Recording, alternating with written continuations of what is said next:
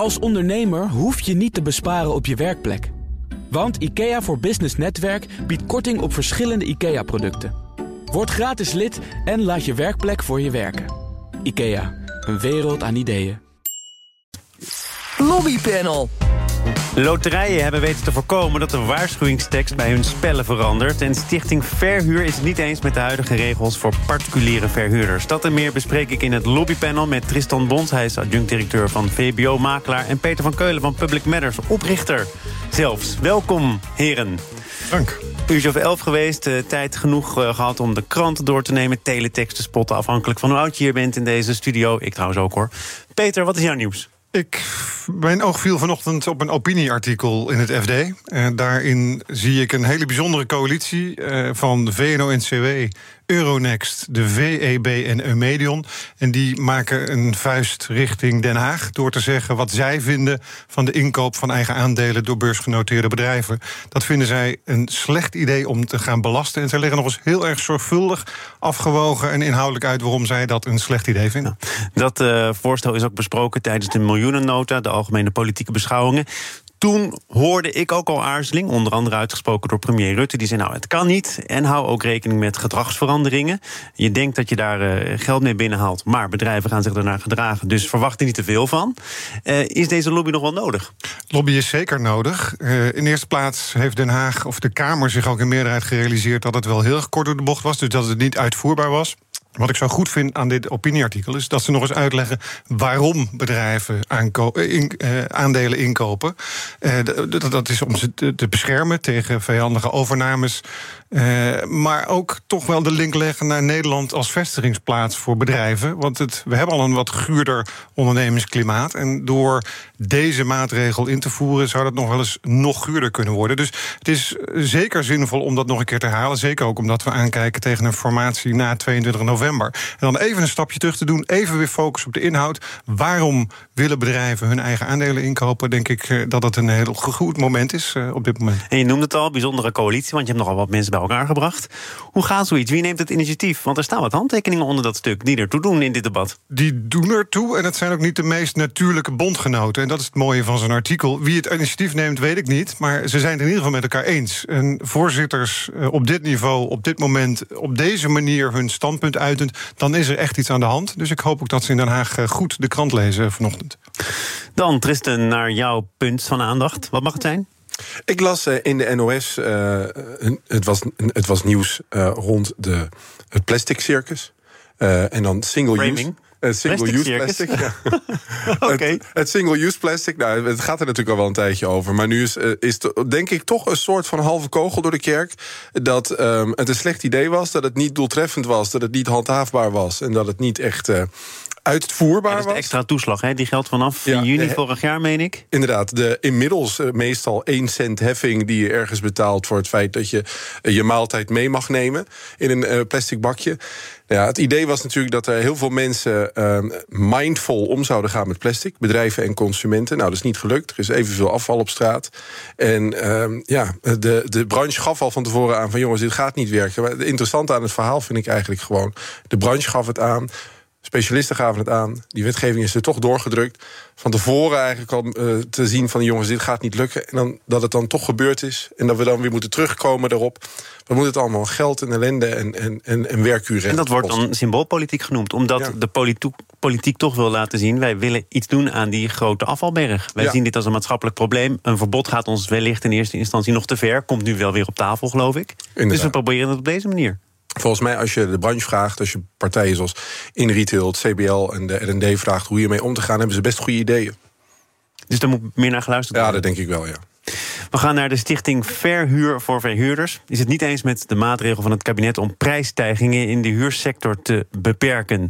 De brancheorganisatie, dat is het overigens nog niet, want het is de initiatiefnemer van een massaclaim heeft de Nederlandse staat voor de rechter gesleept. En die regels zorgen voor lagere huren van huizen, waardoor die huizenbezitters die onder de organisatie vallen, die stichting vallen, miljarden euro's mislopen. Ik kijk hier toch in eerste instantie even naar Tristan, kenner van de huizenmarkt. Wat speelt er hier? Want het gaat in het bijzonder over de WOZ-cap. WOZ-cap, ja. Nou, deze organisatie bestaat al wat langer. Die is nog in de tijd van Ollongren opgericht. En uh, die bestaat voornamelijk uit, uh, uit mensen die uh, eigendommen hebben, in grote getalen doorgaans. En die hebben toen al aangegeven dat ze niet eens waren met het beleid. Nou, nu, toen hebben ze al aangegeven om met een miljardenclaim te komen. Nu willen ze dus echt naar de rechter stappen in verband met die WOZ-cap. Die houdt heel kort in dat je dus de WOZ-waarde van je huis minder mag meetellen bij het bepalen van de huurprijs. En dan wordt er gezegd, ik heb gekeken op de website van Verhuur... dit is een principezaak. Geloof ons, het draait echt niet om het in stand houden van een hoge prijs. Het gaat ons erom dat ons eigendomsrecht wordt ingeperkt. Maar iets verderop wordt er dan wel gezegd... de huurinkomsten gaan door de helft... en de waarde van de panden zal sterk verminderen. Spreekt hij nou het principe of de portemonnee? Nou, ik denk een beetje van allebei. Hè. Ik bedoel, ik geloof best wel. Ik, soms kunnen die twee hand in hand gaan. Hè. Uh, zo, uh, maar in dit geval uh, is het wel echt zo dat deze partijen zien een, een, inbreuk op het eigendomsrecht. Daarvoor willen ze naar de rechter stappen. Ze doen ook een beroep op het Europees Verdrag Recht van de Mens.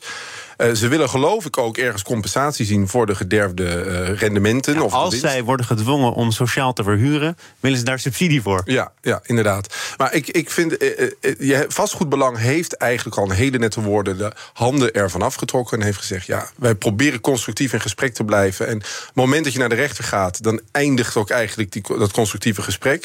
En dan is nu de vraag: hebben die nu kans? En dan denk ik, ja, ook al win je die rechtszaak, het beleid staat. Het beleid was dit, dit was het, het oogmerk van. Dit was het doel van het beleid wat nu wordt veroorzaakt. Dus het omlaag brengen van die huur- en liberalisatiegrens. Dus als je de rechtszaak wint, zal de Kamer zich opnieuw beraden met nieuw beleid komen.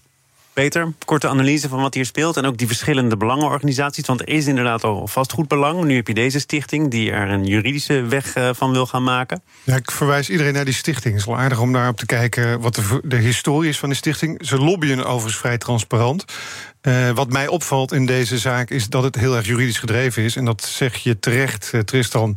Uh, daarmee sluit je iedere dialoog met Den Haag uit. En dat zie je al in de eerste reacties van het departement. Die zeggen: het ligt onder de rechter, dus we gaan niet met jullie praten. Dat is de consequentie van deze lobby. Wat me verder opvalt is dat de discussie een beetje wel eens niet is. is en dat ik weinig cijfers in de discussie zie. Dus een echte goede cijfermatige onderbouwing is, is van belang. En ja, aan de andere kant begrijp ik het ook wel. Hè. Vastgoedbeleggers worden over één kam geschoren, verdienen niet iedere dag de populariteitsprijs. Dus dat je op een gegeven moment zegt: en nu is het genoeg, ik stap naar de rechter. Zoals zoveel deze dagen naar de rechter stappen. Ja, eh, begrijpelijk die emotie. Maar, maar, hoe groot is deze groep? Want zelf hebben ze het ook over de proportionaliteit van de maatregel. Ze zeggen eigenlijk eh, in mijn woorden: het is met een kanonschiet op een mug. Wij zijn toch maar een klein clubje en zoveel huizen hebben we niet. Is dat een reden om er zo'n zaak van te maken? Nou, als ik het goed reproduceer, volgens mij 40 verhuurders verenigd, eh, zo'n 100.000 woningen. Ja, het gaat dan om de principezaak van, de, van, van deze discussie. En dus groot of klein maakt niet zo heel veel uit. Als zij het beleid challengen en dat houdt stand voor de rechter, ja, dan moet de rechter, zoals dat ooit met de box 3-discussie ook is gebeurd, moeten gecompenseerd worden. Maar um, dat zie ik niet morgen gebeuren, om het heel voorzichtig te voorspellen. Overigens, in hun manifest of hun statement zeggen ze: ja, maar wij vinden dit echt niet alleen hoor. Eh, de OESO zegt het, de Nederlandse Bank zegt het, de Raad van State zegt het, de Europese Commissie zegt het. Er moet meer ruimte zijn voor de vrije sector. Uh, is dat een indrukwekkend rijtje? Verandert dat de zaak, Tristan? Nou, ik, je moet het wel in de context zien. Dus de OESO heeft zich niet uitgesproken over verhuur.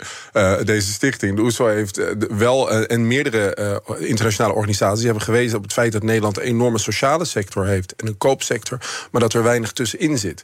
en als je dat, dat gaat vergelijken, vergelijken met andere landen, lijkt dat een beetje raar. In Scandinavië kom je het ook wel tegen. Maar gebruiken dus die percentages wel degelijk. Hè? Corporaties, goed voor 42% van de hele voorraad. Hebben we nou echt nog niet voldoende huizen gebouwd voor mensen met een kleinere portemonnee? Nou, die vraag, die, die vraag is, is hun recht om te stellen. En, en het is ook hun recht om daarover naar de, naar de rechtszaak te, naar de rechtbank te gaan. Ik vraag me alleen af, zoals Peter ook net herhaalde. Je kunt niet meer met elkaar in gesprek. Het moment dat je voor de rechter staat, dan moet het gesprek zich daar uh, af, afspelen. Nou, dat weet ik niet of je daar. Dat, dan is ook een soort gok. Wat gaat de rechter zeggen? En in dit geval, als de rechter zegt: je hebt gelijk, het mag niet. Dan gaat de Kamer weer aan het werk. Want het beleid wat in de Kamer wordt gevoerd. en ook zelfs denk ik in een nieuwe Kamer. want als je kijkt naar de verkiezingsprogramma's, verandert er niet veel. Het beleid is om die exorbitant hoge huren ergens geforceerd omlaag te brengen. Ook al komt er geen nieuw aanbod bij, wordt er geen huis bijgebouwd, dan, dan maar die prijzen omlaag. Daar kun je van vinden wat je wil. Maar als de rechter uh, dat wegstreept, dan vrees ik dat er gewoon een nieuw wetje komt. Hoewel, Peter, als je kijkt naar wat ze allemaal opschrijven, die stichting, dan zeggen ze beste overheid, je kunt naar ons kijken. Kijk eens naar jezelf. Doe iets aan het scheef wonen. Doe iets aan woonfraude, zoals onderhuur. Maak uh, huurcontracten tijdelijk. En geef ons, als het echt niet anders kan, dan een subsidie als wij sociaal moeten gaan verhuren. Dus met andere woorden, er wordt wel iets gezegd over hoe het anders kan dan via deze weg. Ja, en je kunt van Hugo de Jonge vinden wat je wil, maar hij heeft wel in deze lijn heel veel voorstellen gedaan. En er speelt ook heel veel in de gemeente, ook hier in Amsterdam. Daar gebeurt heel veel om eh, de, de, de bereikbaarheid of toegankelijkheid van wonen laagdrempeliger te maken. Dus er gebeurt wel heel veel. Maar het is niet een verandering overnight. Het is niet wat je binnen nu in twee weken realiseert. Uh, ja, en daar moeten ze ook rekening houden met elkaar. En ik denk, ja, praat daar weer wat meer met elkaar over. En dan een rechtszaken, dan ga je echt eh, de, de kies voor de escalatie. Het, het, is hier vaker gezegd, maar het is het einde van de lobby. Maar het komt wel steeds vaker voor, Peter. Jazeker. Hebben jullie ook klanten die zeggen, nou, we hebben nu echt lang genoeg gepraat. Uh, we hebben niet het idee dat er schot in zit we gaan het anders aanpakken. Tuurlijk, ja, het is heel Amerikaans. Hè. wanneer een... raad je dat aan en wanneer raad je het af? Nou, wanneer je zeker weet dat je kunt winnen. Uh, en wanneer je zeker weet dat je alles via de lobby, via gesprekken, via dialoog hebt gedaan. Maar je zegt het wel terecht, zeker weet dat je kunt winnen. Het is natuurlijk geen uitgemaakte zaak. Nee, absoluut niet. Uh, maar soms doe je het ook om de, de, de, de, als alternatief. Kijk, we praten er nu over. Dus er wordt over gesproken, ook in Den Haag. En ook dat is een opbrengst van een rechtszaak. En dan kun je altijd die rechtszaak nog weer opschorten of beëindigen. Maar dan heb je ieder geval een dialoog over gevoerd via de media. En ook dat helpt soms in een lobby. We gaan nu praten over loterijen. Zaken doen. Thomas van Zeil. In het lobbypanel zijn het gast Tristan Bons en Peter van Keulen. Het leek in kannen en kruiken. De waarschuwingen bij alle gokspellen zouden worden veranderd uh, van speelbewust naar wat kost gokken jou, stop op tijd. Die slogan zou effectiever zijn in het verminderen van gokdrang.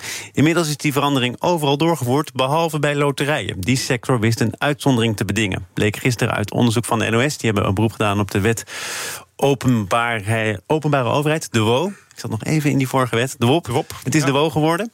Uh, Peter, wat kun jij zeggen over deze lobby? Wat kan ik zeggen over de mediaverslaglegging gisteren? Ik noem dit ophefjournalistiek. Ik ging eens kijken van waar hebben ze nou over geschreven? Een lobby van het Goede Doelenplatform. Dus ik ben op die website gaan kijken van het Goede Doelenplatform. En daar staat gewoon op dat ze op 11 november 2021 een brief hebben gestuurd aan Den Haag. Waarin ze aangegeven hebben wat zij vinden van die waarschuwingstekst. En daar heeft kennelijk het departement van gezegd: wij zijn het eens met jullie standpunt. Dus wij kiezen niet voor een nieuwe waarschuwingstekst. En zo is de, de, de discussie gelopen.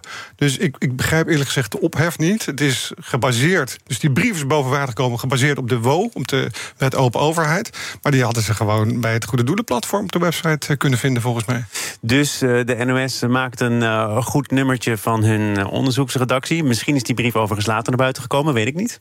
Weet ik ook niet. Maar als je, als je op de website staat, staat daar keurig... en dat, zo zou ik het ook eerlijk gezegd doen... dat het standpunt is zoals het is van het Goede Doelenplatform... en dat ze dat ook hebben gedeeld met Den Haag. Dus daar is geen sprake van verstoppertje. Nou goed, eh, interesse in de lobby van de gokindustrie... dat zie je sowieso. Hè. De online kansspelen, daar is een hoop over te doen. Dus daar past misschien de aandacht voor. En ik denk ook dat het goed is voor het bewustzijn... van hoe kijken wij naar gokken, naar loterijen... en de, de hele maatschappelijke discussie discussie daaromheen. En dan moet je een onderscheid maken, blijkt uh, in ieder geval uh, op het departement en politiek tussen laag en hoog risico. En dan zeggen die loterij, wij zijn duidelijk het lage risico. Uh, dus zou voor ons een andere waarschuwingstekst op zijn plek zijn. En dat is blijkbaar gelukt. Ja, Door het te spelen, zeggen die ambtenaren, blijkt uit de verslaglegging van de NOS, op sport en goede doelen en de sympathie die dat zou opwekken in de samenleving. En dat zeggen niet alleen de ambtenaren. Volgens mij heeft het Kamerlid Rutmer Herema, zo stond ook in het NOS-artikel, uh, heeft, die een, heeft hij een motie ingediend van maak nou die knip tussen loterijen enerzijds en eh, andere uh, gokspelen anderzijds. En dat is keurig uitgevoerd. Keurig uitgevoerd in twee, hè? Want hij kreeg niet in de eerste instantie al een meerderheid. Nee, maar overigens kun je dan ook zeggen... een motie hoeft niet te worden uitgevoerd. Dus de discussie wordt nu heel erg bij de loterijbedrijven gelegd. Maar in dit geval zijn het beleidsmakers die hebben gezegd... wat willen we van. Uh, wat, hoe willen we het beleid inrichten? Dat heeft de politiek gedaan. En vervolgens is dat overgenomen door het departement. Ja, zo gaat dat. Een afweging van belangen voor en tegen. En in dit geval is er geluisterd, kennelijk ook naar de lobby van het Goede Doelenplatform. Waar overigens organisaties in zitten als Jantje Beton. De Zonnebloem. Ik heb ze voorbij zien komen. van de SAR. Ik bedoel, tientallen goede doelenorganisaties die af en toe loodjes verkopen. Ja, daar, dat is alles, eh, denk ik. Snap ik overigens. Je, haalde net het belang aan van cijfers. Er werd dan gezegd, uh, ja, bij zo'n andere waarschuwingstekst komt die bijdrage die de loterijen aan goede doelen leveren in Het zou gaan om 800 miljoen. Maar dan kun je dus blijkbaar ook wat creatiever boekhouden. Want die 800 miljoen is wat er in totaal omgaat. Maar dat is dan inclusief de kansspelbelasting. Ja, zo zie je toch maar dat cijfers ook ontleed moeten worden... voordat je echt weet waar je het over hebt. Goed punt. Viel mij ook op in de verslaglegging. Ik vond 800 miljoen heel erg ruim. Uh, en dat moet je dan onderbouwen. Ja, en dan moet je ook als ambtenaar jezelf in de spiegel aankijken. Zijn dat argumenten die kloppen of niet? Nou, uh, kennelijk heeft men uh, geconcludeerd dat dat het geval is. Ik weet niet of dat over die opbrengst van die 800 miljoen ging voor loterijen. Maar dat was wel... Ja, dat, dat was niet onderbouwd. Voor Christen, we gaan nog even door met de ophef. Kom op. Olie ja, Hoe kan dit nou gebeuren? Ik zit hier toch echt echt een beetje te luisteren. Ik vind dat Peter het heel mooi ontleed. Maar tegelijkertijd denk ik ook, er zal toch ook wel een beetje meer dan dat gebeurd zijn. Ik bedoel, er waren ook eh, in diezelfde uh, WO-verzoeken... Uh, dat, dat er ambtenaren onderling in appjes aangaven van... oh, daar, gaan we weer. Daar wordt hier wel, we worden wel kapot belobbyd hier op dit thema. Het gaat over een zinnetje. Het mooie vind ik ook dat door zo hard tegen het zinnetje te ageren... zeg je eigenlijk dat hij werkt. Dat vond ik ook wel mooi. En dus dat hij beoogt, wat, of dat hij doet wat, wat hij beoogt. Het zorgt voor minder gokken. Het is hartstikke goed dat ambtenaren dan discussiëren met elkaar... wat vinden we hiervan, ja, ja, maar dus, afweging maken. Maar er bleek dus wel wat druk... en ik geloof dan ook een soort interne lobby van de VVD natuurlijk... op, op, de, op het departement te zijn. Maar toen dacht ik wel van ja het is toch raar in Nederland dat we met z'n allen zeggen van ja, maar eh, gokken is goed, want dan gaat er geld naar Jantje Beton. En toen dacht ik, maar het is toch gewoon raar. We kunnen toch ook gewoon geld aan Jantje Beton geven. We als er minder mensen met de loterij meespelen, is dat toch prima. Maar de, maar de, experts die het ministerie heeft geraadpleegd, die zeggen, als het allemaal klopt, dat uh, die waarschuwende teksten niet per se tot mindere verkoop zouden leiden. Dus dat het hooguit zorgt voor extra bewustwording. Met andere woorden, loterijen, maak je niet zo druk. Je zal geen loodje minder verkopen. Ja, die loterijen dachten van wel. Dus, ja, en het departement uiteindelijk ook. En de minister ook. En de Kamer ook. Dus ja, uh, belangafweging voor of tegen. En dit is de conclusie. Ja. Maar zou wat Tristan zegt ook waar kunnen zijn... dat het toch wel degelijk stevig is gelobbyd... en dat de druk is uitgeoefend op Kamerleden? Ja, ja, duidelijk. En dat is ook logisch, want het gaat om grote belangen... en om hoge inkomsten, of dat nou 800 miljoen is... of meer dan een miljard of minder. Maar de belangen zijn groot. Uh, en ja, het departement had gerust ook het risico kunnen nemen van we gaan toch die tekst aanpassen. En dan zie je een, terugkoop, een, een, terugloop van inkomsten. En dan ga je weer naar het beleid kijken. Dus dat was een alternatieve aanpak. Want het interessante is dat uh, de roep om dit wat strenger aan te pakken kwam van Meili Vos van de Partij van de Arbeid. En uiteindelijk is het diezelfde Partij van de Arbeid geweest... die die VVD-motie van Herema aan de meerderheid heeft geholpen. Dus daar is wel degelijk uh, beweging geweest. Ja, dat noemen ze in Den Haag voortschrijdend inzicht. Oh, dat is voortschrijdend ja. inzicht. Ja, ja en het zou zomaar kunnen te maken hebben... dat de coalitieverhoudingen andere waren. Dus uh, voortschrijdend inzicht. Maar de lobby die natuurlijk volgens mij de basis is... die, die volgens mij als je gaat vragen aan de loterijen... Van, wat, zijn je nou echt van plan? Wat is dit nou? Gedoe, het geneuzel om een zinnetje. Dat is dat onderscheid tussen de loterijen enerzijds... en de gokbranche anderzijds, dat onderscheid te vergroten. En dat doe je op een gegeven moment door andere kleurtjes, andere slogans, andere Noem maar op, andere uniformpjes, websites. Nou, en dan het zie je het instituut is het daar dus niet mee eens. Hè? Is ook geraadpleegd als uh, expert. En daar werd gezegd: het gevaar van twee disclaimers is een verkeerde of onduidelijke norm. Zo kan de indruk gewekt worden dat sommige spelen geen risico met zich meebrengen. En dit kan het effect van beide boodschappen ondermijnen of een aanzuigende werking hebben op kansspelen die gelabeld zijn als lage risico kansspelen. dat is het doel. Dat is, dat is de, zij, zij zeggen ja, dat is het effect. En de loterijen zullen zeggen inderdaad, en dat was de bedoeling. Hij noemt mij naïef, maar ik denk dan voor- en tegenargumenten. Trimbos enerzijds, Goede Doelenplatform anderzijds, of andere organisaties. En daar wordt dan een conclusie uitgetrokken. En dat is nu geresulteerd in beleid. En als wij met z'n allen vinden dat het anders moet... dan moeten we op partij X of Y stemmen op 22 november. En dan komt er weer een nieuwe motie en een nieuwe waarschuwingstekst. Er komt vanzelf ook een deel 2 van dit lobbypanel. En dan gaat het onder andere over de hogere accijns op alcohol. En dat lobbypanel wordt gevormd door Tristan Bons, eh, adjunct-directeur van VBO-makelaar, en Peter van Keulen van Public Matters. Nederlandse brouwerijen verzetten zich tegen het kabinetsvoorstel om de accijns op alcohol met 16,2% te verhogen. Deze week begint de Kamer met de behandeling van het Belastingplan 2024, waarin die accijnsverhoging besproken zal worden. De petitie die de brouwerijen gestart zijn, is ondertussen al ondertekend door 53.000 bierdrinkers, werd gisteren aangeboden aan de Tweede Kamer. Allereerst maar eens naar dat instrument van de petitie. Weer een petitie, Peter, of zit hier meer achter? Een petitie maakt deel uit van een bredere lobby. Uh, en dit is het meest zichtbare deel daarvan. Dus ik ga ervan uit dat overigens niet alleen de brouwers, maar ook andere organisaties al weken onderweg zijn om hun mening te uiten en aan te geven wat ze vinden van die accijnsverhoging.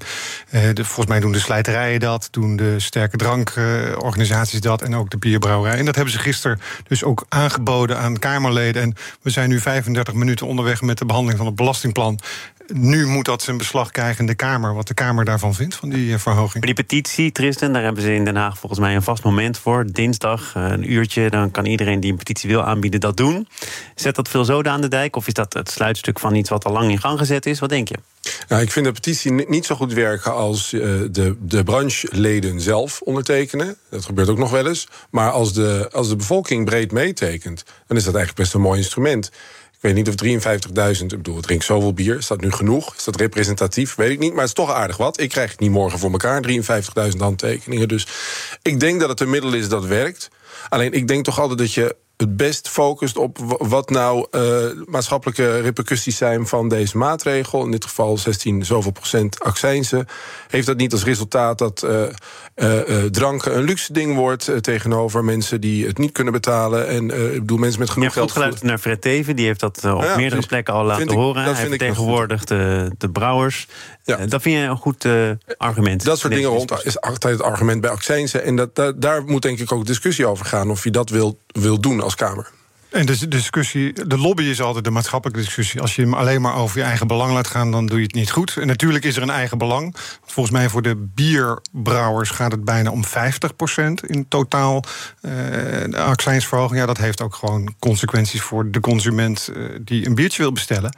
Uh, en ook als je kijkt naar de vergelijkingen met Duitsland bijvoorbeeld. Volgens mij gaan we in Nederland vijf keer meer accijns betalen. Ja, dat voelt niet goed, toch? Dat, dat, dat moet anders kunnen. Ja, wat ook anders moet kunnen is dat Nederlanders gezonder zouden moeten gaan leven. Er is een preventieakkoord afgesproken in 2018, meen ik. Dat wordt dan zo af en toe getoetst. Zijn we een beetje op weg om de doelen die we toen gesteld hebben te gaan behalen? Ja, dan is de voortdurende conclusie, nou, dat schiet nog niet echt op. Nee, ontzettend goed argument, Thomas. En dat is precies wat ontbreekt in de argumentatie van het ministerie van Financiën. Ze maken het een schatkistmaatregel. Het is niet zo dat ze zeggen, we gaan met deze accijnsverhoging meer aan preventie doen of al, uh, actiever alcoholbeleid voeren. Nee, het is gewoon huppatee belasting heffen. En dat gaat naar de algemene middelen. En daar gaan we wegen van aanleggen of andere dingen mee doen. Nou, hartstikke belangrijk natuurlijk. Maar juist de, eh, het koppelen aan het alcoholbeleid, dus het de opbrengst van die accijns een bestemming geven in het alcoholbeleid, ja, dat, dat is wat niet gebeurt. Maar als het ministerie er een schatkistdiscussie van maakt, dan zijn de tegenargumenten ook vaak financieel gedreven. Want de industrie zegt nu. Je kunt wel denken dat je bedrag X ophaalt. Wij vermoeden gedragsverandering, daar is het weer. Dus je gaat het bedrag nooit ophalen. Nee, en dat calculeren ze ook in. Hè. Volgens mij wordt er al ingerekend dat er 20%, minder wordt opgehaald. Dus dat wordt dan uh, keurig wel uh, toeberekend. Maar het is meer dan een financiële discussie geworden. Voor Minfin, ja, het ministerie van Financiën, neem het sinds kwalijk, is het een financiële discussie. Maar juist door de discussie te voeren over wat het met de, de weglekeffecten doet. Waar je ook de vergelijking kunt zien overigens met eh, benzineprijzen of, of tabak. Daar gaan mensen gewoon voor naar het andere land. Maar er wordt niet gezegd dat er 20% minder wordt gedronken, maar dat er waarschijnlijk veel weglek is naar het buitenland. En dan denk ik, ja, dan. Nou, dat is niet helemaal gekwantificeerd, die 20% minder meer opbrengst. Klopt, klopt. Maar volgens mij wordt er meer ja, rekening... doen het toe in dit panel. Ja, volgens mij wordt er meer... Eh, vandaag wel, vandaag wel. Volgens mij wordt er meer... Dat is omdat Peter er is. Vandaag wordt er... Eh, volgens mij wordt er meer rekening mee gehouden... dat, uh, dat het weglekt over de grens... dan dat men een vijfde minder gaat drinken. Ik zie het niet snel gebeuren. En ook in andere landen kun je dat niet echt kwantificeren... dat er door een accijnsverhoging zoveel minder is gaan, uh, men gaan, gaan drinken is. Ik denk gewoon in dit verhaal... die accijnsen verhogen heeft dat nu het beoogde resultaat dat mensen minder gaan drinken? Uh, volgens mij heeft het het beoogde resultaat dat er meer wordt verdiend aan de drank voor de schatkist. En volgens mij is het vooral de ChristenUnie die destijds zo die, al die, die, die maatregelen tegen de drank en de drugs. En ja, Paul Blokhuis heeft dat uh, natuurlijk op de kaart gezet. De ja. toenmalige staatssecretaris. Hij is inmiddels opgevolgd door een staatssecretaris ook van ChristenUnie-huizen. Um, neemt niet weg dat dat preventieakkoord er ligt en dat de industrie daar uh, over mee mocht denken. Inmiddels is er een uh, speciale tafel uh, die redelijk onthand is, want STAP en de Vereniging van de Drankinspecteurs die zijn daar vorig jaar uitgestapt omdat zij zeggen als de industrie niet wil praten over verhoging van de prijzen, wat volgens de Wereldgezondheidsorganisatie toch wel nodig is om drankgebruik in te perken, heeft een gesprek wat ons betreft geen zin. Dus hoe komt het dat deze discussie zo gepolariseerd is. Dat al die partijen toch niet meer met elkaar in gesprek gaan. Ja, ik, denk, ik denk dat de ChristenUnie om te beginnen... als de kleinste partij in de coalitie niet de slagkracht had... om zo'n groot beleid uit te rollen met alle, alle repercussies daarvan. En ik denk dat als je volgend jaar een nieuwe Kamer zit... is de kans heel groot dat ChristenUnie helemaal weg is. En dan ook denk ik het preventieplan. Ja, dit is de discussie die we zouden moeten voeren over alcoholbeleid. En niet vandaag nu 40 minuten inmiddels, on, inmiddels 40 minuten onderweg in de discussie van het belastingplan. Uh, dus juist de beleidsmatige toe, uh, de, bestemming van dat geld, dat is de discussie die je moet voeren. En dat gaat over het preventieakkoord en het preventieakkoord 2. Dat is een discussie die wordt gevoerd in het VWS-domein. Ja, juist de behandeling van de VWS-begroting is uitgesteld tot januari, als we nieuwe verkiezingen hebben gehad. Dus nou, dit is een andere discussie. En dat is het jammere van de discussie die nu wordt gevoerd. De schatkist moet worden gevuld. Ik denk overigens dat het best nog moeilijk wordt om die verhoging van tafel te krijgen. Want er is gewoon geld nodig in Nederland. En, nou, en de laatste accijnsverhoging, om, om er toch nog een financiële draai aan te geven. De laatste accijnsverhoging komt uit 2014. Toen ik dat las, dacht ik, ja, dan is het misschien toch wel tijd om te kijken of er in de loop van de wat is het, negen jaar iets veranderd is. Of er bijvoorbeeld iets gedaan moet worden uh, in verband met inflatie die ook opgelopen is. Hè. Dat is een argument dat je dan hoort. We moeten toch eens kijken. Dat heeft het uh, Instituut voor Drankbeleid. Je leert nog eens wat als je hierin verdiept. Ook al geadviseerd in 2021. Ja. Het is nu bijna 2024. Ja, dan zit zo'n accijnsverhoging er wellicht een keertje aan te komen. Ik zeg proost. En het verschil met Duitsland blijft nog steeds. Wijn kun je uh, accijnsvrij kopen in Duitsland. Ja, maar de, toch de, prijzen zijn, de prijzen zijn toch gewoon verhoogd? De accijns is toch een percentage op de prijs? Ben ik nou gek? Dus de inflatie is toch al gecorrigeerd doordat de, de oorspronkelijke prijzen mogen. En als je zegt, los daarvan dat het in 2014 voor het laatst tegen het licht gehouden is, is het dan gek om daar een kleine tien jaar later nog eens uh, 16 procent inflatie hadden we niet dit jaar. Laat staan 50 procent voor bier. Dus ja, meestijgen, inflatorcorrectie helemaal goed. Maar dan is 16,4 procent wel heel ruimhartig hoor. Dan nog even de eeuwige lobbyvraag ook in dit panel. Uh, de directeur van Spiritus Nederland, uh, dat is uh, een oud VVD-Kamerlid, Betty de Boer. Heeft dat nou zin? Ja, de uh, aloude discussie: moet je wel of geen politiek kopstuk als voorzitter of boegbeeld van een branchevereniging hebben? Betty de Boer is al heel lang weg uit de Kamer. Ik denk dat heel veel politici, actieve politici, haar niet meer kennen. Ze kent de weg, ze kent de processen en de procedures. Dat maakt het zinvol. Uh, en voor de rest bepaalt iedere branche of dat bij hun uh, wel of niet past. Hoe doen jullie dat? Uh, wij hebben geen politici in ons bestuur of wat dan ook zitten. Maar we hebben geen verbod daarop in Nederland. Dus het is een heel aantrekkelijke baantje voor veel mensen... en een aantrekkelijke uh, persoon om de facturen mee te vinden, vullen voor veel organisaties. Als we, in de Europese Unie heb je bepaalde afkoelperiodes. Daar hebben we het nu al duizend jaar over in Nederland. Dat komt er niet. Dus je kunt niemand iets verwijten op dit moment. Hoogstens dat het een beetje oneervol kan zijn in sommige situaties. En volgens mij deed Betty de Boer uh, infrastructuur en waterstaat of iets wat nou, water staat, alcohol. Nee, dat ligt toch best wel ver van elkaar. Dan mag je best een directeur worden van Spirits. Uh, ik dank jullie voor jullie blik op deze kwesties. Tristan Bons, adjunct directeur van VBO-makelaar Peter van Keulen, oprichter van Public Matters. Tot snel weer. Dit panel is ook te beluisteren als podcast. Abonneer je vooral via je favoriete kanaal of de app van BNR.